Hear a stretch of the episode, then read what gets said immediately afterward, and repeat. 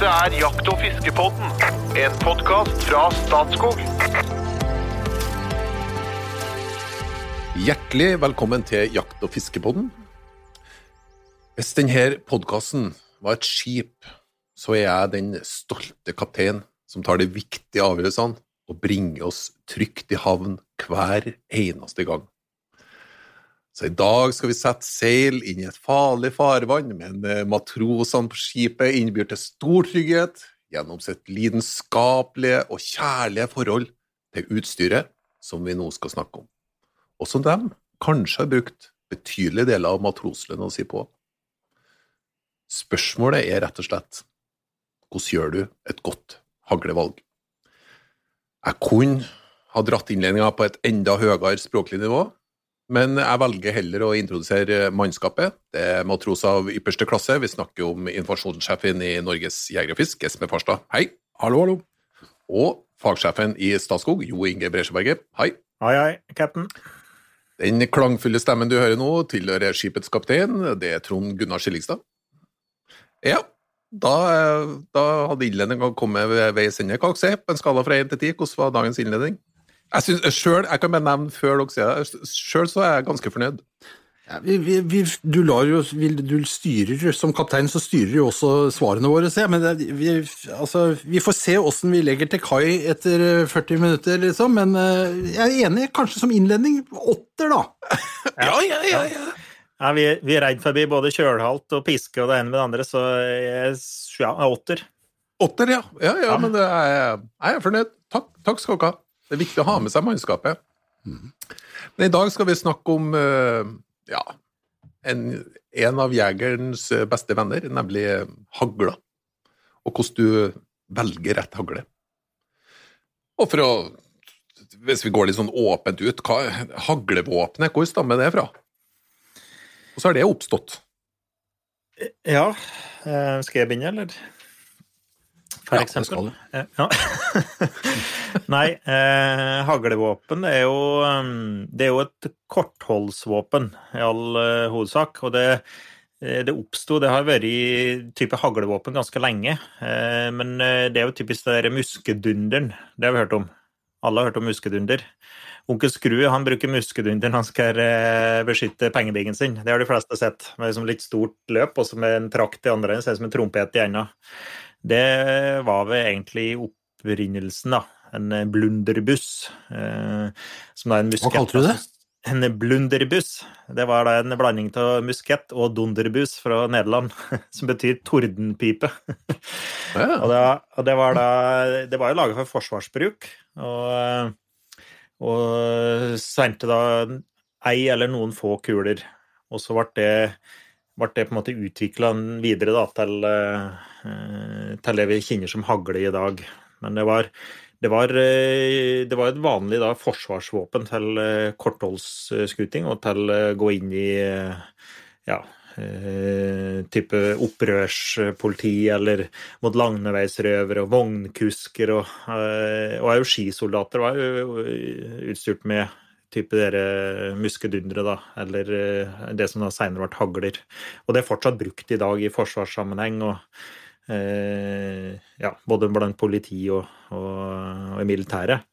Men det var jo først og fremst engelskmennene som tok det videre, da, og, og gjorde det til, til, det det er i dag, og hadde de fleste oppfinnelser. Vi har en god amerikaner, han eh, Browning. John Moses Browning var en av de som hadde flest oppfinnelser, og så var det engelskmennene som drev det videre.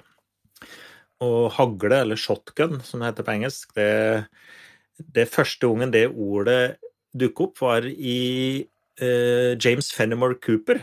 Husker du han, eh, Espen? Ja, Siste mohikaner. Siste mohikaner. Han er den første yes. som, har, uh, som har brukte ordet shotgun, faktisk. Oh, ja. Det var i 1776. ja.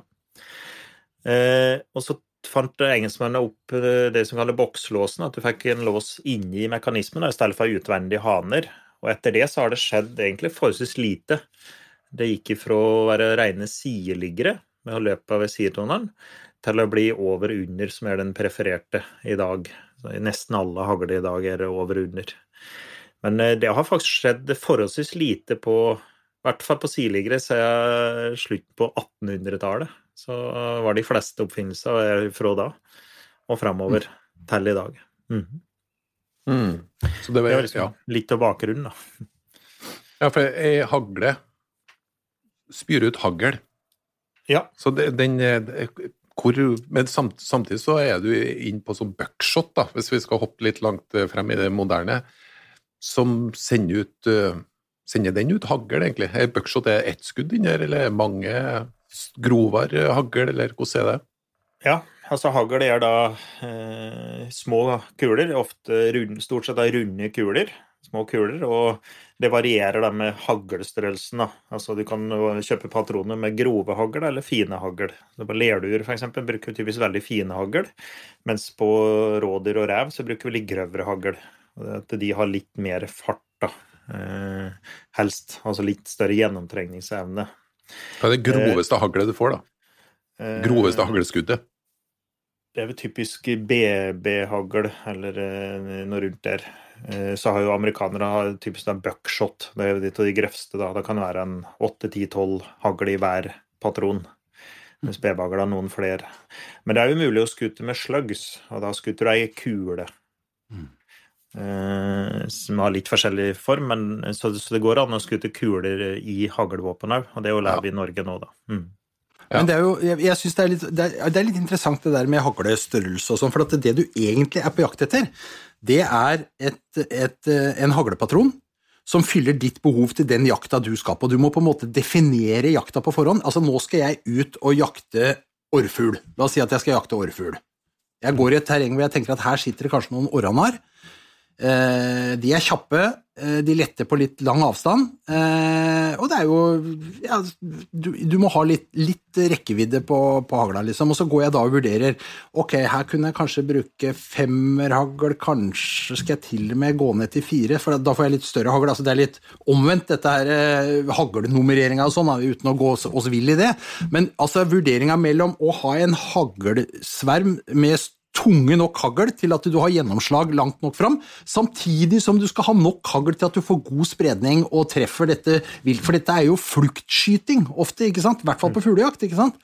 Sånn at uh, det der er et sånt der krysningspunkt mellom to kryssende interesser. Mange hagl er bra, mm. men så må de være tunge nok til at de på en måte virker til det byttet du skal ha, da. Mm. Hvilken type bytte snakker vi om?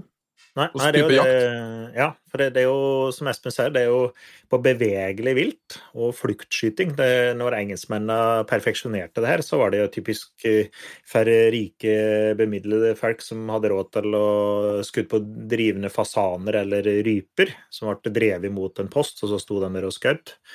Uh, mens i dag så er det i all hovedsak for uh, fluktskuting og bevegelig mål på småvilt opp til rådyr raske skudd og uten, uten nødvendigvis den presise sektinga som det vi har på ei refle. da. Så det, liksom, mm. det, blir mer peking, og du segner en sverm da med små hagl ut. Mens uh, amerikanere, der jakter de jo helt opp til uh, ja, De kan skudde whitetail, f.eks., som en betydelig større enn vårt rådyr, og òg svartbjørn med hagl. Så de mm. drar det jo litt lenger, da. Men, uh, hos oss, hos oss går grensen ved rådyr. Ja. Så eh, det er fuglejakt, harejakt, uh, revejakt, minkjakt Gås, ender, duer, mink, ja. Mm. Uh, alt og rådyr. Opp til rådyr. Og helt opp til rådyr. Mm. Mm. Men er det ja. sånn at du må vurdere hvilken type jakt du skal på når du velger hagle, eller er det kun haglepatron du skal da vurdere? Tåler alle hagler alle hagle, haglepatrontyper? Nå kunne Espen ha kommet med den historien om at han har brukt feil eh, haglpatron, men jeg vet ikke om vi skal rippe opp i det igjen. ja, nei, men Poenget er at dette, altså, en normal, eh, moderne over-under eh, hagle Eh, i kaliber 12, da, som er det vanligste haglekaliberet, det, det, dekker alle behov, egentlig. Men så vil du jo finne kanskje en gåsejeger da, som skal skyte på litt lengre hold på mer hardskutt vilt, som da uh, går opp en haglegeværstørrelse, liksom. Men, men en kaliber 12, Jo Inge, det dekker alt. Ja, i prinsippet er det det. Og nå er det over 95% av haglen som blir solgt, er en typisk en over og under, med pipene over hverandre, og i kaliber 12. Og det er vanlig at det er et magnumkaliber i dag. Før var det 1270, men nå er det vanlig at det er magnumkaliber i de fleste nye hagler. Og det, det dekker alle behov. Og det her er et kortholdsvåpen, og da kan du da justere med patroner da, med forskjellige ladninger og forskjellig, eh, forskjellig haglstørrelse. Og hvis du da ikke dreper viltet på det hullet, da skutter du på for lange hull. Så egentlig så enkelt er det. For det, da, mm. det er jo stort sett det det går på. At uh, du må, det er jo et kortholdsvåpen, og det, det mister veldig fort effekten sin.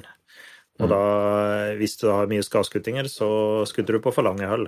Da må du justere hullet. Men her, her, har jeg lyst til å si noe. Fordi at uh, dette er et dødelig effektivt våpen på riktig hold. Altså, Det ja. fins ikke noe som er mer dødelig effektivt enn hagle. Altså, Noen stiller spørsmålstegn men kan man virkelig bruke hagle på rådyr.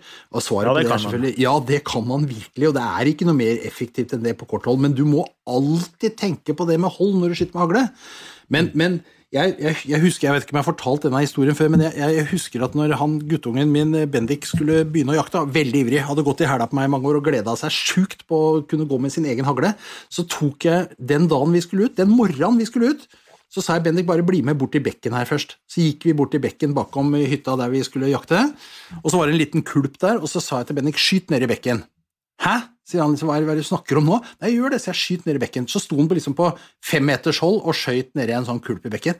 Og den, altså, den bare eksploderer. Det, vannet blir borte, liksom. Det bare liksom, så er det liksom hele, altså, Og da får du visualisert kraften i dette hagleskuddet. Det er skremmende, altså. Sånn at, og det var litt med tanke på at jeg skulle gå ved siden av han med hagle og, så videre, og at han skulle forstå hvor viktig dette var. Samtidig så er det sånn at hvis han skyter på 35 meter på en tiur, så faller jo ikke den tiuren, for da er det for langt hold. Så det, det er et, et, våpen du må forstå når du skal ut og jakte. Og, og, det dreper momentant, som Espen sier. Altså innenfor det, eh, et forsvarlig haglhull, så tar det livet av viltet momentant. Og det, du kan jo skutte på et rådyr med refle på samme hullet, og at det springer videre og blør ut og dør, mens med, refle, nei, med hagle da, så vil det i all hovedsak bare bikke over ende. Mm. Så, og forferdelig effektivt på, på korte hull. Mm. På alt det viltet vi jakter på med hagle. Mm. Og det, det, er ikke noe spesielt god grunn for å trakte etter en sideligger nå? Det er over og under som uh, teller? Ja, det er vel litt mer smak og behag, men det, det er jo først og fremst konkurranseskutinga som har uh, dratt det over til uh, over og under, der du får ei litt smalere skinne. Du skuter på små leirduer og skal ha fokus på målet. Og med en sideligger da, så vil pipen stjele en del av oppmerksomheten. Altså det blir vanskeligere å finne den der eh, lille dua da, og, og skuteren. Så det er konkurranseskyttere først og fremst som har dratt det over, i, over og under. Så det er mange og 90 prosent, jeg tror det er så mye som 98 faktisk, prosent av nye hagler i dag er over og under, ja. Mm. Og du får en velprøvd konstruksjon som, eh, som virker i, eh, i alle, alle, fall i dag. Mm. mm. Bare jeg er helt sikker. For det er jo over og under. Det er jo to løp. Du brenner av det første først. Det har størst spredning. Og så kommer det andre som har eh, mindre spredning. Det vil, og det er vel da innrettet sånn fordi at f.eks. fuglen har kommet litt lenger unna, så du har bedre dødelighet på skudd nummer to. Hva som er øverst, og hva som er nederst?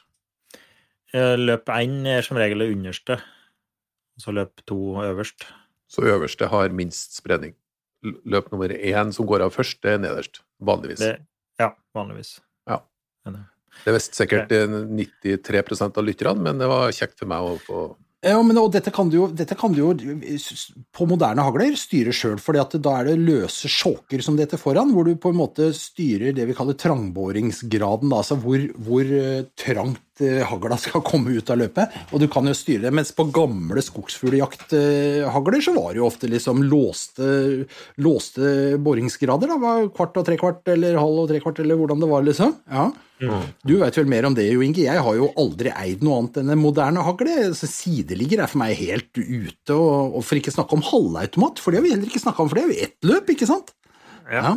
Vi kan jo dra over dit, da. Og det, og det er klart, det er jo mm, De fleste, fleste jegere, hagle, fleste jegere jakter med den hagla de har, da, og den trangboringa de har. Og som Espen sier, vi kan jo variere de fleste moderne hagler. De har sjåker som du kan eh, i prinsippet da eh, justere innsnevringa i tuten på hagla. og slik sett da få trangere eller åpnere skuddbilder. Men på veldig korte hull, så typisk 10 og inntil 15 meter, da er stort sett haglesvermen lik om du har eh, veldig trang trangboring eller eh, veldig åpen trangboring. Da er det ikke veldig stor forskjell. Og på ekstremt kort hull så er det som en, eh, nærmest som en kule. Altså en veldig konsentrert sverm. Og så sprer den seg utover, da, jo lengre hull du får. Eh, og de gamle haglene, som Espen sa, de var ofte veldig trangbåre. Vi skjøt på lange hull. Og det har vi lært at det gjør vi ikke i dag, da. Da var det typisk, som jeg, som jeg sa, kanskje halv og tre kvart, eller halv og full òg, boring. Kunne skutt på lengre hull. Men eh, jeg vil anbefale de fleste å heller gå ned på hullet og skutte med litt åpnere bilder. Du får som regel en jevnere svær med litt åpnere bilder enn dere veldig tette bilder om, da. Mm. Og så uh, finnes det jo, som du sier, da, andre typer hagl, altså halvautomater, pumper. Det finnes noen med til og med med magasin og sluttstykke. Det, det finnes litt forskjellige varianter. og Enkelløper og. Det finnes det jo noen med muligheter som du ikke har lov til å bruke? Ja. Eh, de fleste halvautomater og hagler er jo bygd for eh, typisk gåsejakt eller andjakt. Amerikanere skuter da med fulle magasiner eller òg for militært bruk, eh, eller sivilt politibruk, som da har, skal ha flere skudd tilgjengelige, da, som ikke har begrensning på det. I Norge er det en begrensning på to patroner, én i løpet og én i magasinet. Og da, da, har ikke vi slik sett så veldig stor nytte av halvautomater og pumpehagler, da. Mm. Altså, normalt sett så er det en ordinær over og under. Men eh, vi skal jo Jeg glemmer jo nesten vi skal jo inn og velge hagle. Nå, mm. nå, har vi jo etablert at eh, ordinær over og under eh, passer til de fleste typene jakt. Du bare justerer på ammunisjon som du bruker, og eventuelt sjokker. Eh, hva, ta, kan ikke du gå gjennom de hoveddelene på ei hagle? Hva, hva, er de viktige tingene ved de ulike delene på ei hagle? Eh, tenker vi på ny hagle eller brukt hagle? Altså vi skal kjøpe hagle, eller skal du bare ha liksom deler, da? Det det Nei, nå skal Jo Inge Bresjeberget kjøpe seg ei hagle. Ja, og da Eh, hvis du kan ta gå gjennom brukthagle etterpå, da, kanskje. Men eh, det, det, er jo først og fremst bruken du må, du må konsentrere deg om, da. Her, her, er det for bruk du skal ha den hagla til. Er det rein jakthagle, eller er det konkurransehagle? Hvis du skal skute konkurranse, så eh, er det vanlig at du velger ei litt tyngre hagle enn om du bare skal gå på jakt. Eh, og de har ofte litt eh, andre kolbeformer og litt høyere kolber enn eh, en ei rein jakthagle, da. Og så varierer det òg med konkurranseformen. Så hvis du er en konkurransejeger, så er det typisk å gå mer for konkurransehagle, og så har du egen jakthagle. Men det går fint an å jakte med begge deler. Mm. Og skal du jakte i sjøen eller innlandet, type jakter du mye på havet og sjøen, så eh, er det selvfølgelig viktig å ha ei hagle som tåler saltvann. Det er ofte no go på stål, at de ruster, så det, det er jo noe å tenke på. Og hvis du skal gå mye, f.eks., eh, som ei rypehagle eller skogsfuglhagle, som Espen driver på med, så er det jo noe å tenke på på hvor tung hun skal være, og hvor lang hun skal være. For du får jo forskjellige pipelengder, altså hvor lang pipa og løpa skal være, og òg tyngden på, på hagla, da, selvfølgelig. Det har en del å si. Så, så, det er ganske store variasjoner der, da. Og variasjoner i kvalitet òg. Jeg tror jeg hadde gått for et etablert merke. Det er veldig mye fancy merker ute som ser greit ut, men eh, det er jo arbeidskrafta som er dyr. Så at eh, jo mer arbeid det er lagt ned i hagle, jo dyrere er de som regel. da. Og mm. det er ikke like at du nødvendigvis får veldig mye mer for penger, men du får Det blir litt som å kjøpe seg en Skoda eller en eh, Porsche eller Mercedes. Begge to frakter deg trygt til jobben, men eh, det, noe, det ligger liksom litt i detaljen her. Og gjennomført kvalitet òg, kanskje. Mm. Nå, nå, er vi inne på et interessant område, bare for å skyte inn litt her, da, Jo Inge. For at det, jeg, jeg, jeg, vil støtte deg litt veldig på at det der å, kjøpe kvalitet altså Kjøper du en hagle og tar vare på den hagla, og du har kjøpt en kvalitetshagle, så har du egentlig et våpen for resten av livet, hvis du bare tar vare på dette på en ordentlig måte. Og det har vi jo snakka om. Den kan gå i arv. Hos, ja, den kan gå i arv. Men mm. Det er også rike muligheter til å jåle seg litt i denne verden, Jo Inge. Det skal vi ikke komme unna. Her er det siseleringer og utskjæringer, og det er mye Altså, det kan være mye jåleri her òg, liksom. Så eh, du må liksom I denne jungelen, ja. Og jeg syns jo på en måte Skoda Porsche-ligningen din her er ganske god, ikke sant. Det, er jo ikke, det fins jo ikke en god grunn til å kjøpe Porsche, annet enn at du vil jåle deg på en måte. Nå får jeg mange lyttere på nakken, jeg vet det, men jeg tåler sånn. Men, men du kan kjøpe kvalitet, ikke sant det tror jeg nok er veldig lurt. Altså. Så et anerkjent merke, kanskje betale noen tusenlapper flere enn du egentlig hadde lyst til, og så kommer du aldri til å angre på det. Mm. Nei. Og da, og... da finnes det to muligheter. Det ene er å gå i en butikk eller en børsemaker, få veldig god veiledning inn, inn mot det vi nå snakker om. Da må du betale altså Anbefalinga av dere er at man ikke går for de billigste merkene. Man går litt, litt opp i pris. Et alternativ som er litt mer krevende for forbrukeren, det er at man kan faktisk kjøpe brukt hagle. Men er det lurt? Er det skummelt? Nei, det er jo for så vidt ikke Det er ikke farlig å kjøpe brukt hagle, og jeg vil heller anbefale det. Hvis uh, du ikke har nok skilling til å kjøpe en ny ei, så vil jeg heller kjøpe ei brukt hagle av et kjent merke enn, enn, å gå på noe fancy billigmerke som du ikke kjenner til eller vet kvaliteten på. Eh, og det er ikke farlig å kjøpe av privatpersoner heller. Det finnes jo fryktelig mange hagler, brukte hagler hos en børsemaker, der du vil få sikkert få en tilstandsrapport på når de har gått gjennom og kanskje har en egen børsemaker og det. Mens eh, en privatperson så vil du ikke det. Men det, det er jo en, det er en, prosess der. Du skal jo søke, og det tar litt tid før du får svar, kanskje, og, og alt der. Så det er jo ikke noe slikt hastverksarbeid å kjøpe det våpenet. Så det, du kan jo be om å få, eh, få tatt hagla til en børsemaker, da som finnes over mm. hele landet, og, og, nærmest få en tilstandsrapport på den. Hva er det som kan ødelegge hagle, eller, eller gjøre den ubrukelig for deg? Hva er, hva, på hvilken måte går en børsmaker gjennom hagla for å sjekke om det er god kvalitet?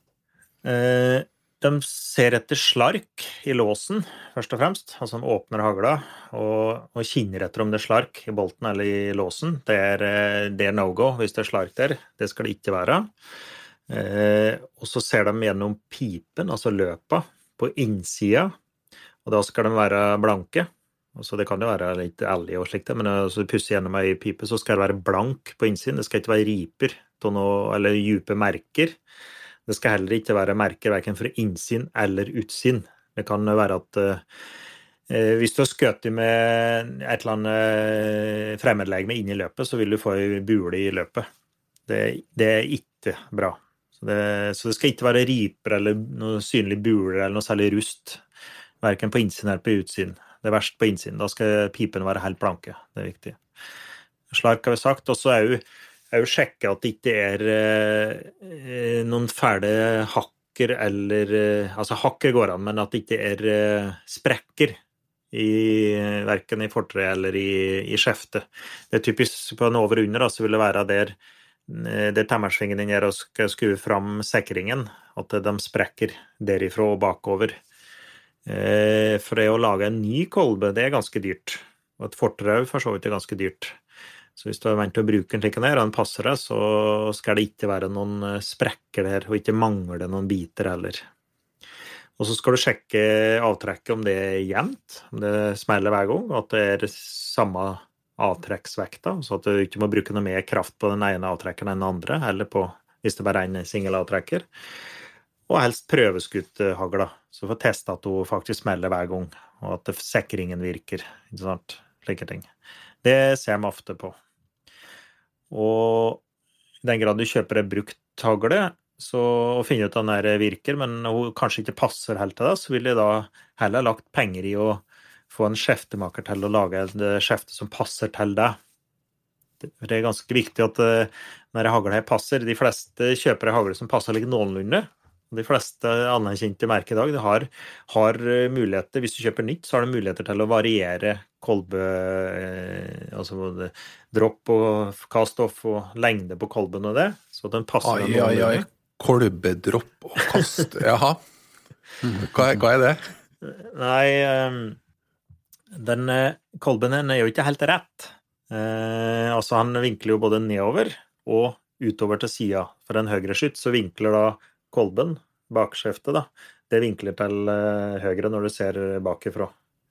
Så når du legger den til, eh, legger den til anlegget, til kinnet, så kommer du rett over, eh, over sekteskinnet. For alle lyttere som nå bare lytter og ikke ser, sånn som jeg gjør, så kan jeg fortelle at Breisjøbergen nå visuelt heiv opp en hagle i lufta, la den i anlegg oppe i kinnet og forklarte Kasthoffen på en utmerket måte. Ja. For det så du, Espen, og ikke lyttere. Ja, jeg så det. Ja. Mens da, for å ta et eksempel, illustrerende eksempel, altså min, jeg har skutt mye med halvautomat. Og min halvautomat den er rett, for det går det da i eh, fjør som eh, brukes til å lade sluttstykket. Den er da inn i, i kolben. Og da er kolben helt rett. Og når jeg kaster opp den, så havner jeg til venstre for sekteskinna. Og når jeg da sekter på kannet fra venstre side, så bomma jeg ganske mye jo lenger hullet er. Da vil svermen gå, ikke gå der jeg sekter, ikke sant? Du skal ligge rett på skinnet og rett på kornet. Og det, det, er derfor vi har kastoff da, på, på kolben. At den er, er, litt bøyd, da, rett og slett. Og på nye hagler så finnes det ofte kolbeprogrammer, så at du kan velge den som passer deg best. Så det du går an å variere den. Mens på en brukt hagle så er ikke det et alternativ. Da må du heller legge penger i å få den tilpasset til deg. Det vil jeg, vil jeg på det sterkeste anbefale. Det er viktig mm. at når hagla passer så godt til det, så at det, det blir som hånd i hanske. Den, den, skal passe akkurat. Og så skal du trene på det, og trene på anlegget og skutetrene. Da får du flere treff, rett og slett. Og blir bedre skytter. Mm. Og en våpenbutikk, en børsemaker, kan hjelpe deg med det å få den, få den sånn at den passer deg? Ja. Det, det, å tilpasse skjeftet er jo egne skjeftemakere, men det er ofte er de børsemakere òg. Og de kjenner jo noen som er skjeftemakere. Så det kan være at du må reise dit og ta mål, og så prøveskyte det, det da. Men eh, det, det er vel anvendte penger, altså. Mm. Espen, hvor viktig vil du si tyngden på hagla er? Det er litt individuelt. Jeg går sjøl med en ganske tung hagle. Jeg går egentlig med en sånn trapphagle som jeg bruker på jakt. Den er tung. Eh, og jeg har vent meg til det og liker det, men det, kommer, det, det, er veldig individuelt. Og så er det litt avhengig av hva slags type jakt du går på. Altså, jeg går hele dagen i skauen på støkkjakt. Eh, og det er klart at da, ideelt sett, så skulle jeg kanskje hatt en lettvektshagle. Altså. At det hadde vært litt å svare på det. Det er viktigere det enn hvis du sitter på post på, på harepost, liksom. Da spiller jo ikke vekta noe særlig rolle, ikke sant. Sånn, mm. sånn utslit. Nei. Så det er vanskelig å svare på. Men det har jo blitt vanligere de siste åra også, Jo Inge, at det selges en god del kaliber 20-hagler. Så, og, mm. også i lettvektsvarianter, og som eh, noen også har kalt for damehagler. altså At det skal, at det skal, ikke være så fysisk krevende å gå og bære på disse haglene. Eh, og ja, det har jo hendt at jeg også ønska meg en lettvektshagle, det har det. Men eh, jeg lever godt med Jeg syns ikke det er så viktig for meg, men andre er kanskje ikke enig i det. Nei, det, Og det er litt med bruken, selvfølgelig. Og eh, ei kort hagle, ofte korte løp Altså hei, lett hagle, beklager. Lett hagle ofte korte løp, for å, mye av vekta ligger jo i stålet. Eh, og så prøver de å ta inn vekt alle steder man kan, da, på alle deler, og minst mulig stål i dem. Eh, så jeg vil kanskje ikke anbefale, hvis det du hvis du ikke er ekstremt opptatt av vekt, så vil jeg heller gå for ei som Espen sier, ei halvtung hagle. Ikke nødvendigvis de aller tyngste konkurransehaglene, men en sånn halvtung hagle. For eh, de letteste haglene vil som regel få litt dårligere sving. Det vil være litt vanskeligere å svinge og, og få, den, få, den, rytmen i ei lett hagle enn i ei halvtung, passe tung hagle. Mm. Og samtidig, ja, det har begrensninger å ha kortere løp på. Det har det. Og så er det vel noe, hører jeg, at man må kanskje prøve seg litt frem og, og kjenne etter hva som fungerer for seg sjøl. Eh, men uansett så er rådet å kjøpe kvalitet og få den tilpassa til seg sjøl. Mm. Og få den sjekka, sånn at du ikke har en del det du kaller no go-faktorer på hagla. Men vi nærmer oss slutten nå, men, og vi har egne podkastepisoder på det. Men kan du bare noen raske tips på hvordan du unngår at din egen hagle får eh, no go-faktorer ved seg? Hva er det viktigste gjør? Det er jo kanskje først og fremst å passe på så at du ikke ruster det. Eh, jevnlig vedlikehold, dra gjennom løpa og elge på utsiden og innsiden. Og så er det òg sikre at det ikke får noe inn i løpet. For det potensielt snø i løpet, det kan sprenge dem. Altså, tetter du løpet med snø, går det jakter i snø, da må du ha en teipbit over. Det har ingenting å si for avfyring eller noen ting. Den blåser av med en gang du trykker i bryteren. Men eh, får du snø i løpet, den kan pakke seg og rett og slett bli en propp som gjør at eh, i verste fall så sprenger du løpet. Det vil du ikke oppleve. Nei. Det kan ikke anbefales. Så det er kanskje det viktigste. Og så er det ikke noen, det er ikke noe slagvåpen. Jeg har vært med på å se at folk har slått i hjel tiur f.eks. med å bruke hagla som et slagvåpen. Slettes ikke å anbefale. Veldig fort å For det første er det livsfarlig. For det, for det andre så er det veldig lett å slå av kolben. Han er ganske, det, det, er ganske greit å slå av den i, i, i kolbegrepet. Da. Hvor viktig er olje på kolben? da? Det er eh, viktig i den grad du jakter mye bløtt og dårlig vær. Altså Jakter du tært vær, så, så, trenger du ikke gjøre det så ofte. Men eh, jo bløtere og mer dritvær du jakter i, så må du ha på litt elg med jevne mellomrom. ja. Er flink til å ta vare på hagla di, du da, Espen? Ja, du begynte med å kalle dette vår beste venn.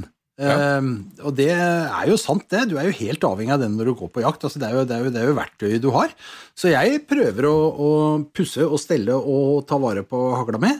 Eh, og noen ganger så skyter jeg noen solide bomskudd på åpenbare premiesjanser på tiur, og da er den ikke min beste venn. Da kan du få den billig, for da begynner jeg å lure på om jeg skal begynne med golf eller et eller annet sånt. Liksom. Så da får du liksom beretta den for halv pris.